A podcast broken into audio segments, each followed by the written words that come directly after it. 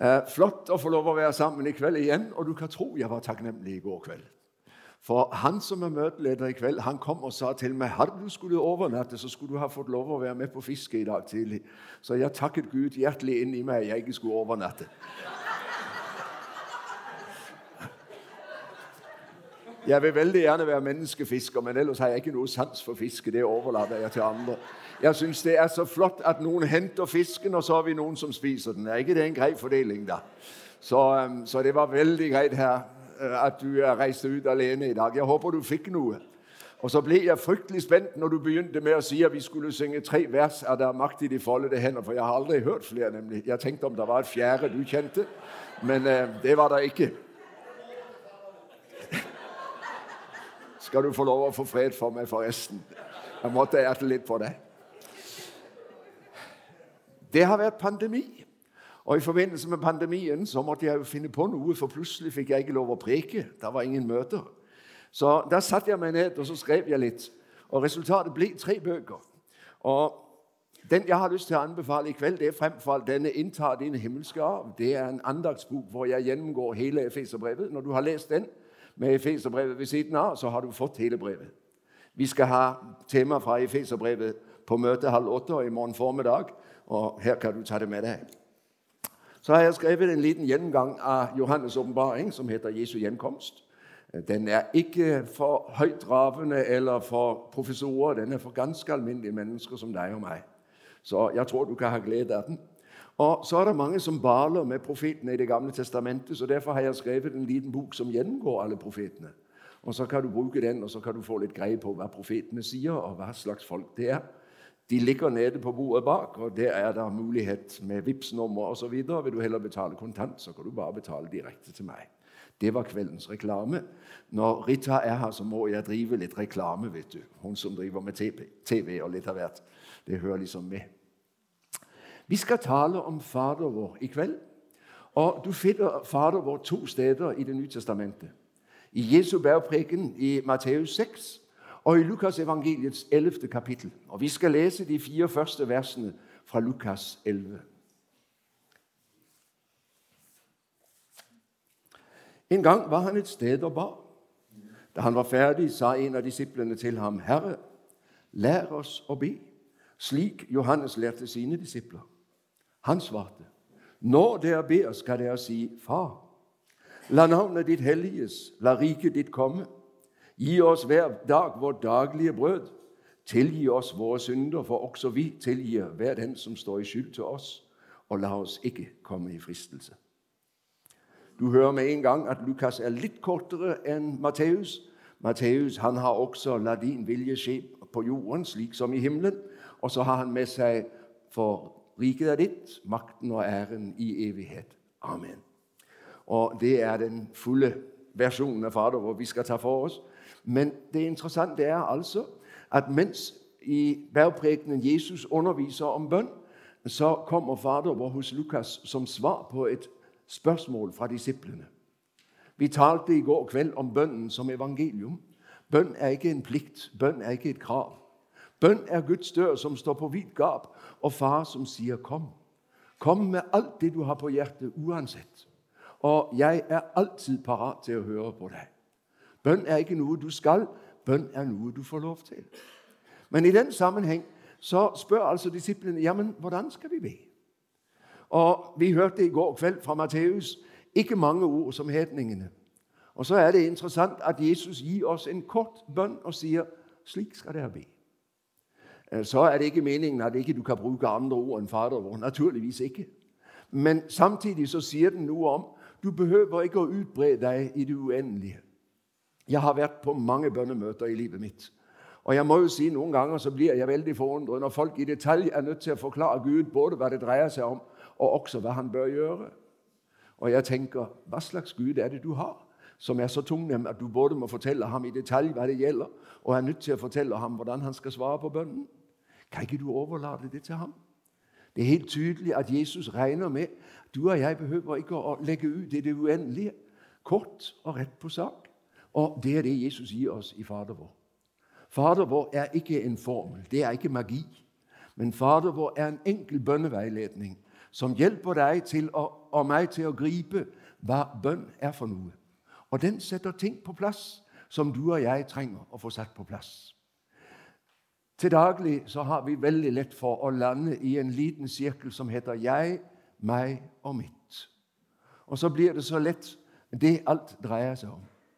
Og jeg tror ikke minst vi som begynner å bli eldre, vi er ofte farlig ute. For verden blir så liten, og så blir det bare de aller nærmeste ting jeg blir opptatt av.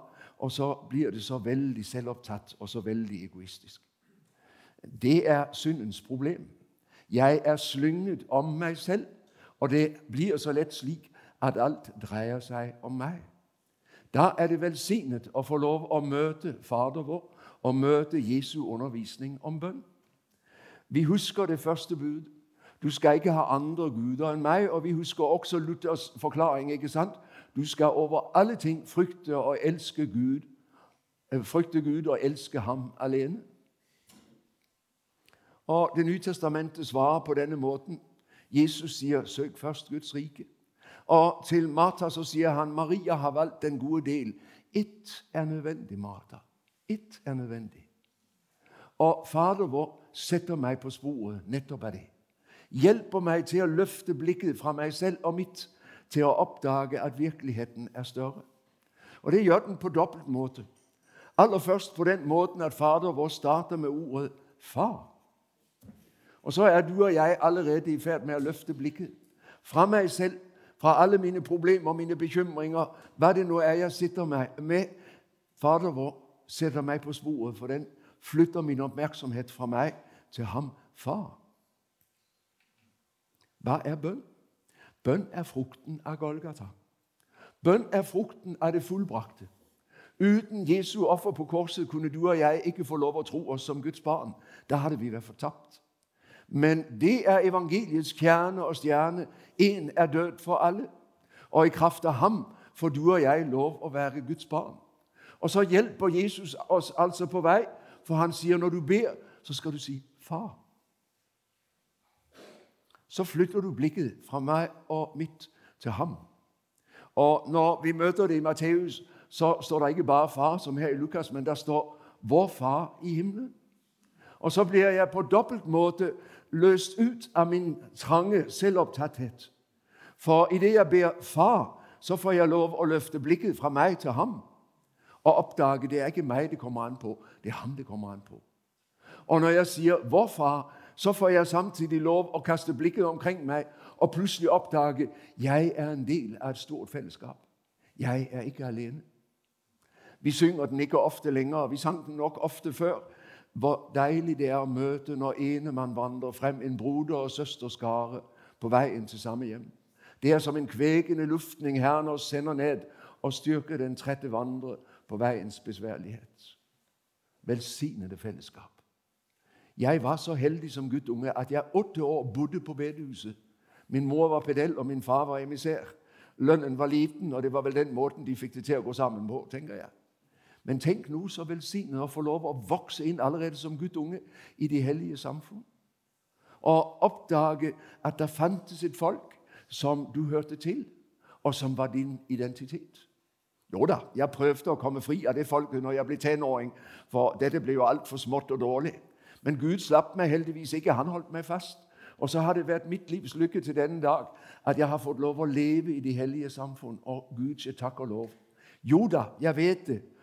det vi synger det Guds menighet er jordens største under. og Noen de synger Guds menighet er jordens største plunder. Og Iblant kan det oppleves sånn. Det er helt riktig. For vi er jo altså syndere sammen. Vi er ikke engler.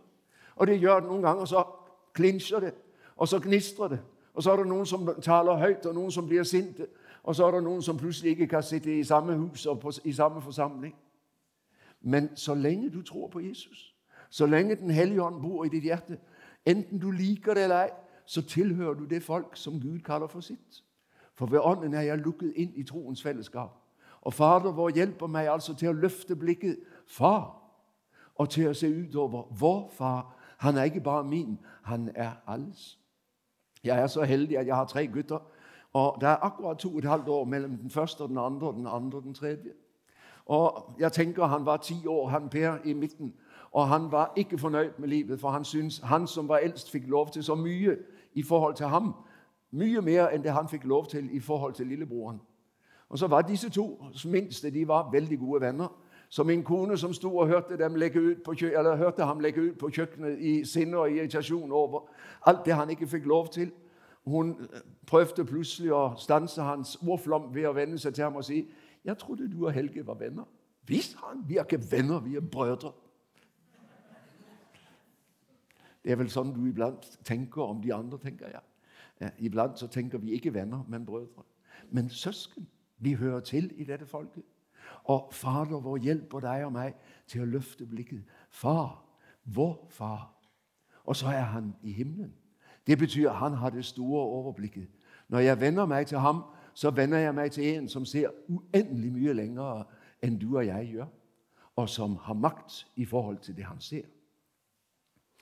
Og så fortsetter Jesus med å undervise i bønn ved aller først å lære oss å be La navnet ditt helliges. Hva dreier det seg om? Ja, Du husker hva Jesaja opplevde når han kom opp i tempelet. Du kan lese det i Jesaja 6. Når han kommer inn i tempelet, så skjer plutselig det under at det jordiske tempel viker til side, og så får han lov å se inn i det himmelske tempel. Og ser hvordan Herrens kappe fyller helligdommen. Og så ser han serafene og hører dem synge Hellig, hellig, hellig er Herren Sebaot. Og jorden er full av Hans herlighet. I himmelen holdes Guds navn hellig. La navnet ditt helliges. Uavbrutt, forteller Johannes i åpenbaringen, så foregår det en lovprisning og en gudstjeneste i den himmelske helligdom. Les åpenbaringen kapittel 4 og 5. Og igjen minnes vi om at englene alltid lovpriser Herren og synger 'Hellig, hellig, hellig er Herren'. Hva er det som skjer? Gud får den ære han tilkommer. Hans navn løftes opp. Han er tilværelsens sentrum. Han er livets kilde. Han er skaperen. Han er frelseren. La navnet ditt helliges. Igjen løftes jeg ut av min trange sirkel rundt meg selv. Og Jesus lærer meg å be i forhold til det første bud og i forhold til ordene til Martha. Ett er nødvendig. Ja da, vi skal komme til dine behov. Du behøver ikke være redd. Det kommer. Men vi begynner ikke der. Det begynner med at Gud skaper meg, at Gud forløser meg, at Gud frelser meg. Og hva føder det? Det føder lovsang. Det føder tilbedelse. Og Jesus lærer meg Vi begynner ikke med meg og mitt. Vi begynner Hvordan er det, Harald, disse danskene de ber når de ber morgenbønn når du sitter til husandakt? Kjære Far i himmelen, så takker vi deg. Det er noe i den retning. Du er ganske flink på det der. Og Det er helt riktig, jeg har hørt det utallige ganger. Men vi begynner med takken. Vi begynner ikke med oss selv, vi begynner med ham. Det er det velsignede. Du og jeg løses ut av selvopptattheten. Og ikke bare det. Hva var Israels problem i Det gamle testamentet? Helt fra Gud førte dem ut av Egypt eh, til Sinai-fjellet. Ja, allerede med en gang Gud har sluttet pakt med dem, så lager de gullkalv. Og siden så dyrker de Bal, og så dyrker de Astarte. Og på Jesu tid så dyrker de seg selv og sin egen religiøsitet og sine egne religiøse mønstre. Og så er det noe du og jeg kan fremfor noe annet. Det er å dyrke avguder. Det kommer helt av seg selv. Fordi vi er selvopptatt. Og avguden kan veldig godt være den som sitter på din stol, eller han som står her. At jeg dyrker meg selv og bare er opptatt med meg selv. Men vi er utrolig flinke til å vike av fra veien og lande i dyrkelsen av tingene. Og merkverdig hvordan vi er blinde. Gud gir oss sine gaver, og istedenfor å takke ham, så dyrker vi gavene. Hvordan kommer jeg ut av det? Hvordan frelses jeg fra avgudsdyrkelsen, uansett hvilken skikkelse den har? Det er ikke bare grov avgudsdyrkelse Bibelen taler om. Paulus oppdaget utenfor Damaskus at hele hans religiøse system var én stor avgudsdyrkelse. Han hadde dyrket sin religiøsitet. Og plutselig oppdager han at det han trodde var tro på Gud, det handlet alt sammen om, om ham selv. I den grad at han var ute for å skape seg karriere ved å forfølge de kristne. Og Jesus stanser ham og sier, 'Saul, Saul, hvorfor forfølger du meg?' Og så snus alt på hodet. Han hadde tingene på, på plass. Det så så fromt ut. Og i virkeligheten var det bare from avgudsdyrkelse. I møtet med Jesus så raste det sammen, alt sammen. Og han oppdaget at han var på feil spor, og ble satt inn på det rette sporet. Der kan du og jeg begynne hver dag, sier Jesus. Far, det betyr for Jesus skyld får jeg være Guds barn. Hvilken nåde, hvilket under. Og idet jeg løfter blikket og fester det på ham, så fødes lovsangen og takken. Ufattelige under at jeg også denne dag skal få lov å si far og komme frem for ham i Jesu navn og vite at han er der for min skyld. La navnet ditt helliges. Gud, sørg for at ikke avgudene får meg, men sørg for at du blir den eneste ordet i mitt liv. Det er et vidunderlig avsnitt i Johannes 3 som jeg stadig må tilbake til. Det er døperen som opplever at disiplene kommer til ham og sier nå er det flere som går til Jesus enn til deg, og det er helt tydelig at de syns sånn burde det ikke være. De ønsker nok å egge Johannes til å si noen sterke ting. Hva sier han? Han sier brudgommens venn fryder seg når bruden samles hos brudgommen. Og så sier han to ting til som jeg ikke blir ferdig med. Han sier om seg selv og om sin tjeneste. Et menneske kan slett intet ta eller få uten at det blir gitt ham ovenfra. Har du noe? Har jeg noe? Hvor har jeg det fra? Alt sammen er gave. Alt sammen er nåde. Et menneske kan slett intet ta uten at det blir gitt ham. Og I neste omgang sier Johannes han skal vokse, jeg skal avta. Det er Fader vårs velsignelse når Jesus lærer meg å be. Han begynner ikke med 'gi oss i dag vårt daglige brød'. Han begynner med det viktigste. Han viser meg sin himmelske far, og så sier han 'Han er ditt livs sentrum'. La ham få lov å være din livsgrunn og ditt livs kilde, ditt, ditt livs kilde. Så du henter fra ham alt det du trenger til. Far, la navnet ditt helliges. Sørg for at du blir den eneste store i mitt liv. For da blir mitt liv det det skulle bli. Da lykkes mitt liv og min tjeneste når du er sentrum. Når det er deg det dreier seg om. Når det ikke dreier seg om at jeg skal vokse, men at han skal vokse. Og han får lov å dele med seg av sin herlighet til lille meg. Og der hvor jeg har lært å be, la navnet ditt helliges, la Gud være den første og største i livet mitt. Der er det så naturlig å gå rett over i neste bønn. La riket ditt komme. For hvordan blir Guds navn herliggjort og helliggjort? Det skjer jo når mennesker blir frelst. Det skjer jo når mennesker går over fra død til liv. Fra å bare leve for seg selv, aldeles nærsynt, fanget i sin egen liten, lille virkelighet, få lov å oppdage det liv som er så mye større, Guds livet, det evige liv, samfunnet med Gud selv, det å få lov å ferdes for Hans ansikt. Kan det skje noe bedre enn at Guds rike kommer? Les evangeliene.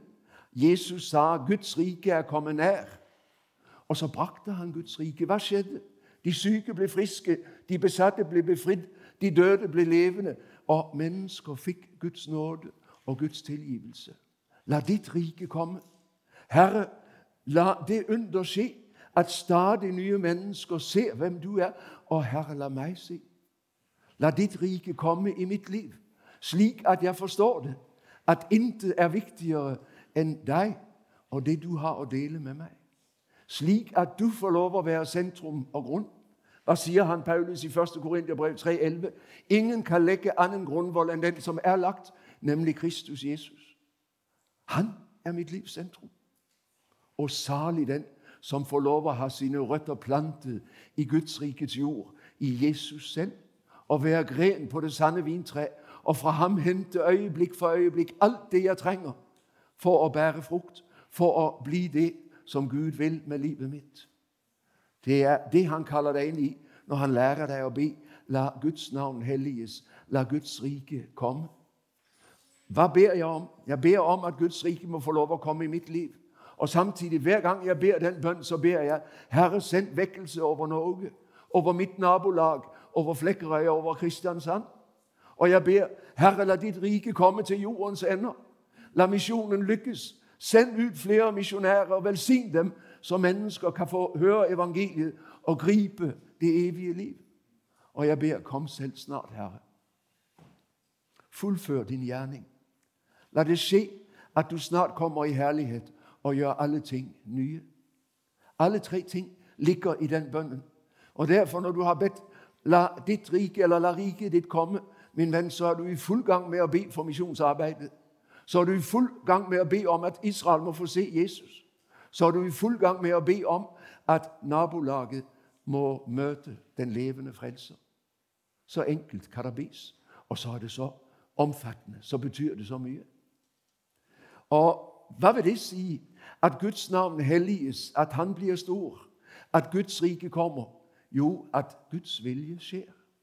Og legg godt merke til den tredje bønn i Fader vår. Det er en vidunderlig bønn. La riket ditt komme på jorden slik som i himmelen. Hva er det vi ber om når vi ber den tredje bønn? Vi ber rett og slett himmelen ned på jorden. Ja, for det er jo himmelen. Guds vilje skjer. I himmelen skjer ikke noe annet enn Guds vilje. Og derfor er de salige.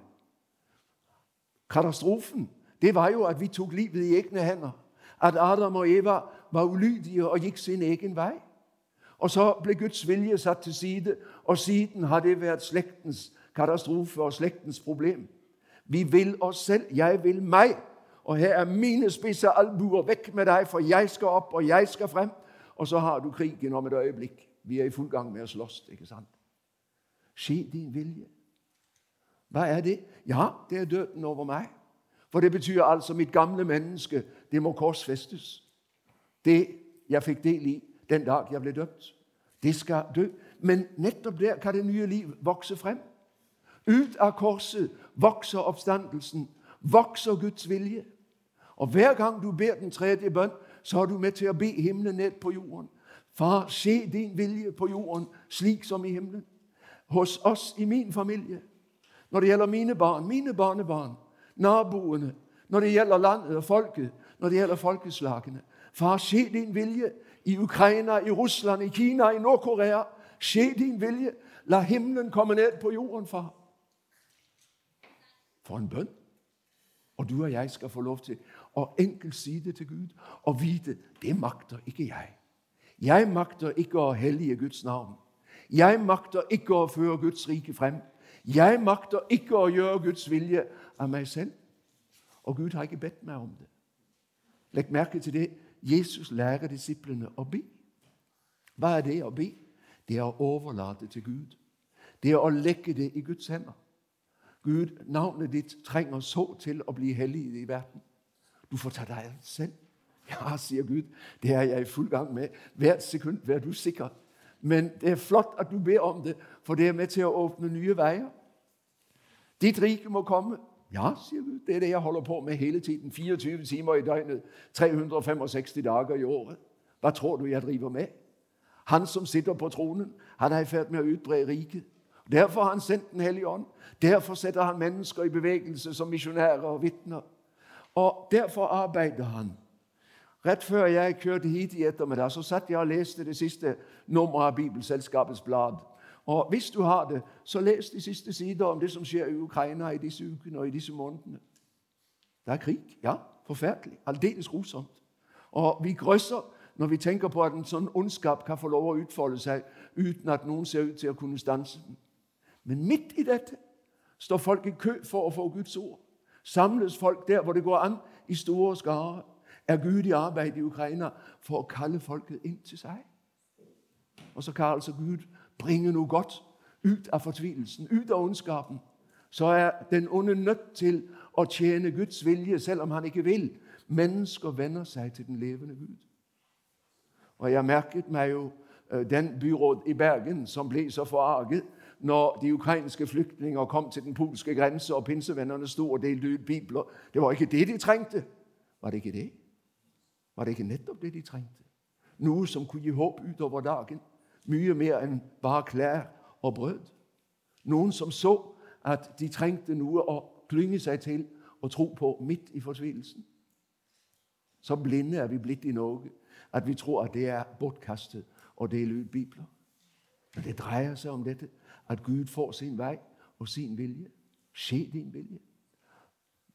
Så enkelt kan du be din morgenbøn, og så har du altså bedt om så store ting. Så er allerede bønnen i gang omkring navnet, omkring riket, omkring viljen. Jeg kender denne sangen om 'La din vilje skje'. Og jeg vet at for mange så er denne bønnen 'Skje din vilje' nærmest knyttet til en slags sånn resignasjon. Hvis Guds vilje skal skje, så blir det så tungt, og så blir det så vanskelig. Er du klar over at det beste som kan skje deg, det er Guds vilje? Fordi Guds vilje er himmelen. Fordi Guds vilje er nåde, barmhjertighet og godhet. Du må ikke tenke på Guds vilje som et ork, som noe man liksom må finne seg i. Ja, det er helt riktig. Fordi vi er slynget om oss selv, og fordi vi lever i syndens verden, så kan vi ofte oppleve Guds vilje slik at vi sukker. Men Guds vilje er god. Og Gud vil deg det beste. Også når du og jeg ikke forstår det. Også når vi ikke ser det.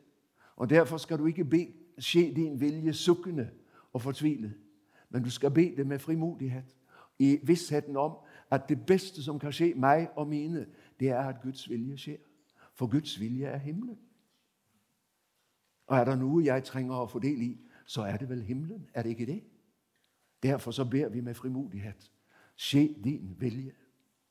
Og når Guds vilje så var at hun som jeg elsket overalt i verden, hun skulle dø, så vet jeg jo at selv om det gjør inderlig vondt, så er det det beste for henne. For hun er fremme. Hun er ferdig med striden. Kan du tenke deg noe så flott? Intet ondt kan nå henne lenger. Hun er i Herrens nærhet. Og så vet jeg jo bare at det er godt for meg, for det er med til å holde meg på sporet. Jeg må se å komme, komme dit, jeg også. ikke sant? Jeg har ikke råd til å forlate ham som har velsignet meg på den måten gjennom så mange år. Skje din vilje. Guds vilje er god. Ikke tenk på Guds vilje som noe vondt, men tenk på Guds vilje som himmelen. Og så forstår du den bønnen må jeg be ofte og mye så har Jesus hjulpet oss til å løfte blikket og til å forstå at bønn dreier seg ikke først om jeg og meg og mitt, men bønn er å få lov å fordele i evangeliets frihet. Den store friheten. En del av Kristi legeme. Og sammen bærer vi Guds verden inn for hans ansikt og ber om at han må fullbyrde sine planer frem til Herrens gjenkomst. Da skal jeg få lov til også å komme til ham med alle mine små problemer Da skal jeg få lov å blikke ned i min egen hverdag og si det til ham. Gi meg og oss i dag vårt daglige brød. Og Luther har en vidunderlig forklaring hvor han sier det bl.a.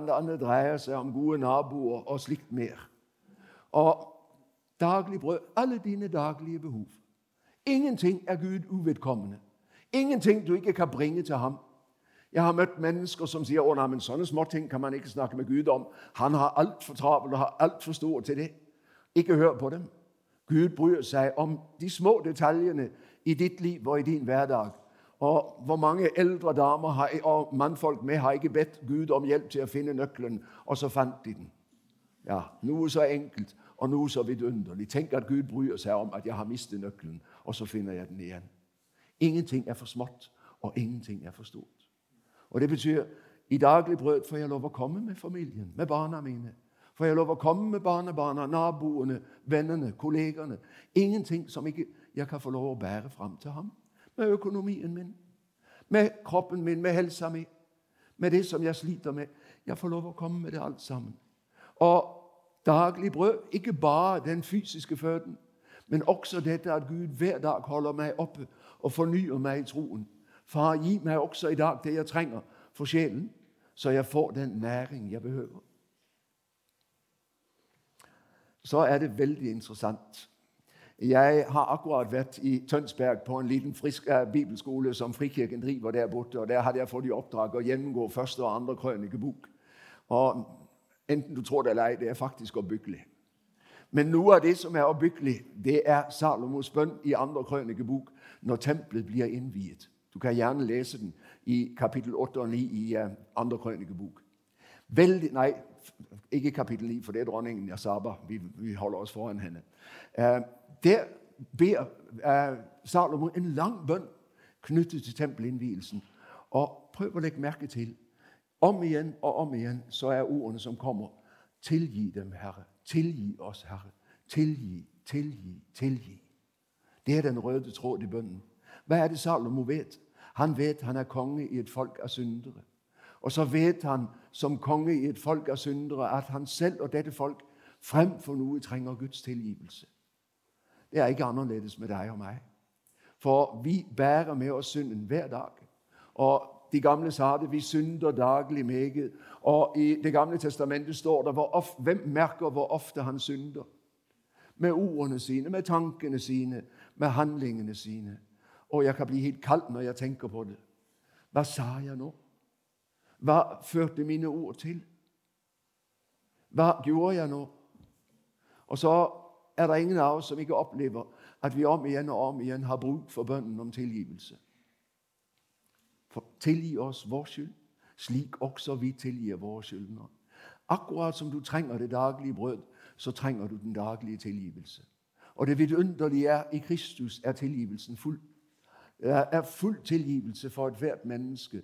Jeg er så takknemlig for 1. Johannes 1,7 at der som vi vandrer i lyset, liksom han er i lyset, da har vi samfunn med hverandre. Og Jesu Guds sønns blod renser fra tre fjerdedeler av syndene dine.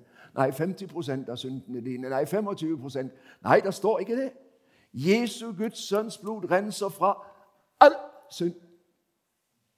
Sett en tykk strek under ordet 'all'. Det er ikke noe som ikke er båret på Golgata, og som det ikke er forsonet for. Og jeg skal få lov å vite til og med det som jeg ikke kan tilgi meg selv. At det gikk an å være så dum og gjøre noe så håpløst som det der. Til og med det tilgir han. For han tilgir all synd. Og rett etterpå så sier Johannes der som vi bekjenner våre synder, er han trofast og rettferdig. Så han tilgir synden og renser oss fra all urett. Og han tilgir ikke i forhold til din hukommelse. Noen tror at de er nødt til å nevne alle synder, for ellers får de dem ikke tilgitt. Det vidunderlige er han ser det alt sammen, og han sletter det ut alt sammen. Golgata har betalt, og der har du og jeg en full tilgivelse. Ja, men var det ikke en setning til? Jo, det er det. Slik også vi forlater eller tilgir våre syndere. Og så er det en sammenheng. Og så er vi i Matteus 18 fra vers 21 til vers 35, ikke sant? Lignelsen om den gjeldbundne tjener som fikk ettergitt en uendelig gjeld, og som ikke greide å ettergi medtjeneren små hundre dinarer. Nei, du blir ikke tilgitt fordi du tilgir. Da misforstår du. Du får ikke tilgivelse i forhold til hvor mye du klarer å tilgi. Men det Jesus og Det nye testamentet sier, det er har du møtt Guds nåde, så har nåden gjort noe med deg. Hvis ikke nåden har gjort noe med deg, så har du ikke møtt den, uansett hvor mye du påberoper deg at du har gjort det. For nåden setter alltid frukt. Og nådens frukt er at jeg kan ikke leve uoppgjort med mine søsken når jeg har fått oppgjort sak med Gud. Jeg kan falle ut med den. Jeg kan komme i en situasjon hvor det blir fryktelig vanskelig fordi vi blir stående mot hverandre. Vi har sagt sterke ting, og det er bare så vidt vi overhodet uh, tør tenke på å møte hverandre. Men nåden, den lærer meg du har fått så uendelig mye tilgitt at du kan ikke la være å tilgi din bror eller din søster. Johannes sier det. Den som hater sin bror som han ser, han kan ikke elske Gud som han ikke ser. Det er en sammenheng. Der hvor Guds nåde møter meg, der gjør den noe med meg. Og der skaper den forsonlighet. Hun er død for en del år siden. Hun ringte meg mens jeg var rektor på bibelskolen for snart 40 år siden. Hun ringte og fortalte meg om den stefar som misbrukte henne seksuelt. Og Det endte med at jeg måtte stille i tingretten i Sandefjord og vitne for henne. Og han ble dømt så og så lenge i fengsel. Men hun var blitt merket for livet. Og kom det noe om incest på TV, så var hun aldeles fjetret. Og hvis noen snakker om tilgivelse, så hadde jeg henne på telefonen med en gang. Hva slags tosk det var som sa at man skulle tilgi. Han skjønte ikke hva han snakket om.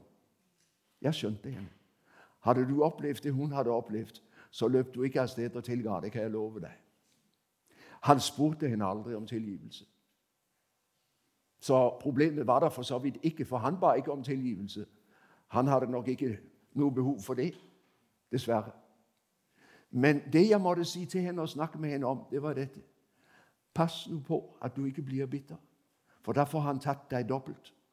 Det er ille nok at han har misbrukt deg, men han må ikke få lov å ødelegge resten av livet ditt ved at du blir bitter. La Gud få lov å skape forsonlighet, slik at om han en dag kom og ba om tilgivelse, at det kanskje var mulig å si det til ham. Ok. Dette er vanskelig. Og det høres så fint ut at vi skal tilgi den som virkelig er tråkket på. Den som igjen med hele livet har opplevd at ektefellen har tråkket på henne eller ham. Man løper ikke av sted og tilgir sånn 'Hei, hei, her kommer jeg og tilgir'. Det er ikke sånn livet er. Og Derfor skal du aldri ha lett for å tilgi. Men samtidig, pass deg at du ikke nekter noen din tilgivelse. For da kan du risikere å møte en lukket himmeldør hvor tilgivelsen er tatt fra deg. Der hvor nåden er, der hjelper den meg også med det vanskelige å tilgi. Ikke bare disse småsyndene, disse småproblemene, men der hvor det virkelig har kostet. Og Gud er mektig til å skape tilgivelse også i en slik situasjon. Og Sitter du fast, gå til ham og bli hos ham så lenge at han får lov å skape forsonligheten i ditt hjerte. Slik at du kan begynne å tenke deg at det er mulig, at det gikk an at ting blir lagt bak. Dette er krevende. Det er meget krevende. Og det hører hjemme i sjelesorgens rom. Men vær klar over det. Nåden vil ha sin frukt i livet ditt. Og er det en bror eller søster du ikke vil tilgi, så er du på farlig grunn. For forlat oss, tilgi oss vår skyld, som vi òg forlater og tilgir våre skyldnere. Det er en sammenheng. Så er det en som ikke orker tanken på at du skal bli frelst. Og så er det en som ikke orker tanken på at du skal be. Og så er det en som ikke orker tanken på at du skal leve i de hellige samfunn. Og Derfor har Jesus heldigvis også lært oss å be. Led oss ikke inn i fristelse, men frels oss fra det onde. Gud frister ingen, sier Jakobs brev, kapittel 1, så det behøver du ikke være redd for. Men det jeg får lov å be om, det er Gud, la ikke min livsvei bli for vanskelig. Før meg ikke slik at det blir for sterke fristelser. Og 1. Korinterbrev 10 sier det. Gud har ikke latt dere møte noen overmenneskelig fristelse, og han er mektig til å bevare dere. Men derfor er det godt å få lov å si det til Gud. Herre, la ikke dagen bli for krevende. Før meg slik at ikke den onde skal få meg i sin makt. Han er der hele tiden. Han gir seg aldri. Paulus skriver det i Efeserne 6. ikke sant? Vi har ikke kamp mot kjøtt og blod, men mot makter og myndigheter, mot ondskapens ånde her i himmelrommet. Hele tiden prøver han å ta troen fra deg. Og han fryder seg hver gang han får deg i fall. Men la det bli til hans egen undergang. For hver gang du i fallet reiser deg og søker nåde hos Gud, så har Satan tapt en gang til. Jeg er så takknemlig for at Paulus skriver det i Efeserne 6. Dere skal stå mot Satans nedige angrep. Ja, for du og jeg har seier i Kristus. Allerede har Kristus seiret, og hans seier er min. Og derfor jeg er Guds barn. Men derfor er jeg også utsatt for angrep, og derfor trenger jeg å be. La meg ikke komme i fristelse, men fri meg fra den onde og fra det onde. Herre, la ikke livsveien bli for vanskelig. Jeg tenker på dem som sitter i skyttergravene i Ukraina. Hvordan kan de unngå at hatet tar tak og tar dem i sin besittelse? Det er forferdelig. Og Derfor trenger de mye forbønn, men derfor trenger alle også å be om dette. For den onde er der hele veien for å prøve å ta livet fra meg. Så er det veldig godt at jeg nettopp da skal få lov å si far. Far, du har makt. Du er sterk. Jesus, du har all makt i himmel og på jord.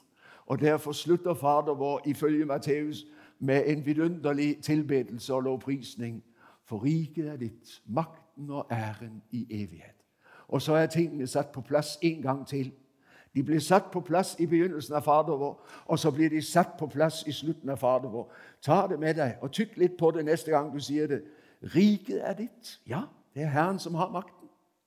Makten er din. Det betyr det er ham som rår. Jeg nevnte det i går, Romerne 8, vers 28. Alle ting tjener dem til gode som elsker Gud. Vi skal slutte nå, for tiden er ved å være gått. Men jeg må slutte med et vidunderlig sted i apostelgjerningene 4. Peter og Johannes har vært for Det høye råd, og de har fått pålagt Hold kjeft! Dere får ikke lov å si et ord mer om Jesus. Og de er blitt truet på den ene og den andre måten. Hva gjør de? De går rett hjem til troens fellesskap. Og så ber de ikke om Herre, la dem ikke slå oss. La dem ikke bli farlige. Hva ber de om? Gi oss frimodighet, så vi frimodig kan forkynne ordet, uansett kostnadene. Men i den sammenheng så har jeg lyst til, at du tar med deg Apostelgjerningene 4, vers 27 og 28. Vi er midt i deres bønn, og hele forsamlingen ber så jorden skjelver. Og i den sammenhengen, hør hva de ber. Apostelgjerningene 4. Ja, i denne byen slo de seg sannelig sammen mot din hellige tjener Jesus, som du salvet, både Herodes og Pontius Pilatus, sammen med hedningefolkene og Israels stammer, og så kommer det, og det er aldeles ufattelig. Og jeg blir helt fjettret, når jeg leser det. Alle har de gjort det, som du ved din hånd og din vilje hadde bestemt skulle skje. Hørte du det? De har slått seg sammen mot deg, og alle har de gjort det som du hadde bestemt, det som du ville. Jeg er ikke i stand til å se igjennom Guds verdensstyrelse. Men når Golgata hos oss heter langfredag, så er det feil. Den burde hete som på engelsk den gode fredagen. For hva er Golgata? Det er en fullkommen forsoning, og det er en fullkommen seier. Ja, han lider. Han dør. Han er Guds forlatt. Men dermed er du og jeg aldri mer Guds forlatt. Dermed er frelsen vid åpen for hver den som vil ta imot den. Det er seier. Det ser ut som nederlag. De gjør det i hat og i uvilje, men de gjør det som du hadde bestemt, det som du ville. Og så er Pilatus og Herodes og de romerske soldater og øverste prestene tjenere for Guds frelsesvilje. For nå sørger de for at offeret blir brakt, så du og jeg kan bli frelst. Ser du det? Det er jo utrolig. Og Det betyr at på en eller annen merkelig måte så er han som sitter både i Nord-Korea, og han som sitter i Beijing, og han som sitter i Moskva, og han som sitter i Washington De er nødt til å tjene Guds vilje. De har ikke noen intensjoner om å, å gjøre det. De skal tjene seg selv og sin egen vilje og sin egen makt. Men de er nødt til å tjene Guds frelsesvilje. Jeg ser ikke igjennom det. Det får Gud ta seg av. Men ut fra det jeg leser i Skriften, la din vilje skje på jorden slik som i himmelen. Og Guds vilje er i ferd med å skje. Og om et øyeblikk kommer Jesus og gjør alt nytt. Og når du og jeg en dag ser tilbake, så skal vi oppdage at masser av det vi kalte nederlag, det var i virkeligheten seier. Martyrene. Evangeliet gikk videre. Og de gamle troende i oldkirken sa martyrenes blod er kirkens utsted. Det er det som får kirken til å vokse. For oss ser det ut som tap og nederlag. Men sett fra himmelen Guds rike kommer. Og Derfor be Fader vår i vissheten om Herren er på tronen. Han har makten, og han er mektig til å svare når du ber så enkelt som i Fader vår. Himmelske Far, det takker vi deg for. Takk fordi riket kommer. Takk fordi din vilje skjer. Takk fordi ditt navn helliges. Herre, nå vil vi være med til å hellige det i det vi løfter det opp i tilbedelse, i undring og i bønn og takk. Takk, takk, Herre, at du har gitt oss en fullkommen frelse og et fullkommen barnekår. Takk at du har gitt oss en vidåpen adgang rett inn for nådens trone. Og takk, Herre, at vi kan få lov til med våre bønner å være med til å fremme din vilje i vår tid. Og Gud velsigne oss til å være bedende Guds folk. Amen.